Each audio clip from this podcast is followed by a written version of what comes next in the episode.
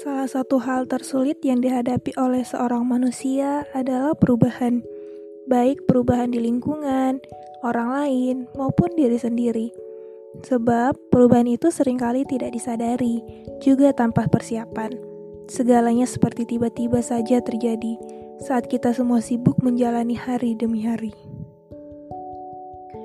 Tidak ada yang tetap dan menetap. Waktu bergerak, benih bertumbuh, air mengalir, Hidup bergulir layaknya segala sesuatu yang kita kenal. Kebahagiaan, ketenangan, kegelisahan, keresahan, kekhawatiran, dan perasaan-perasaan.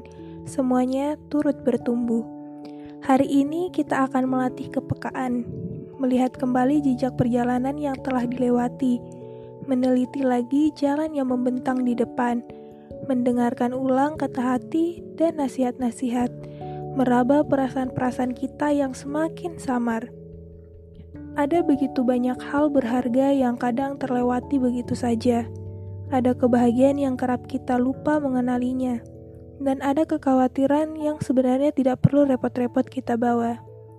Ada banyak hal yang luput tak tercatat. Ada banyak hal yang terlupa karena tidak sempat kita abadikan.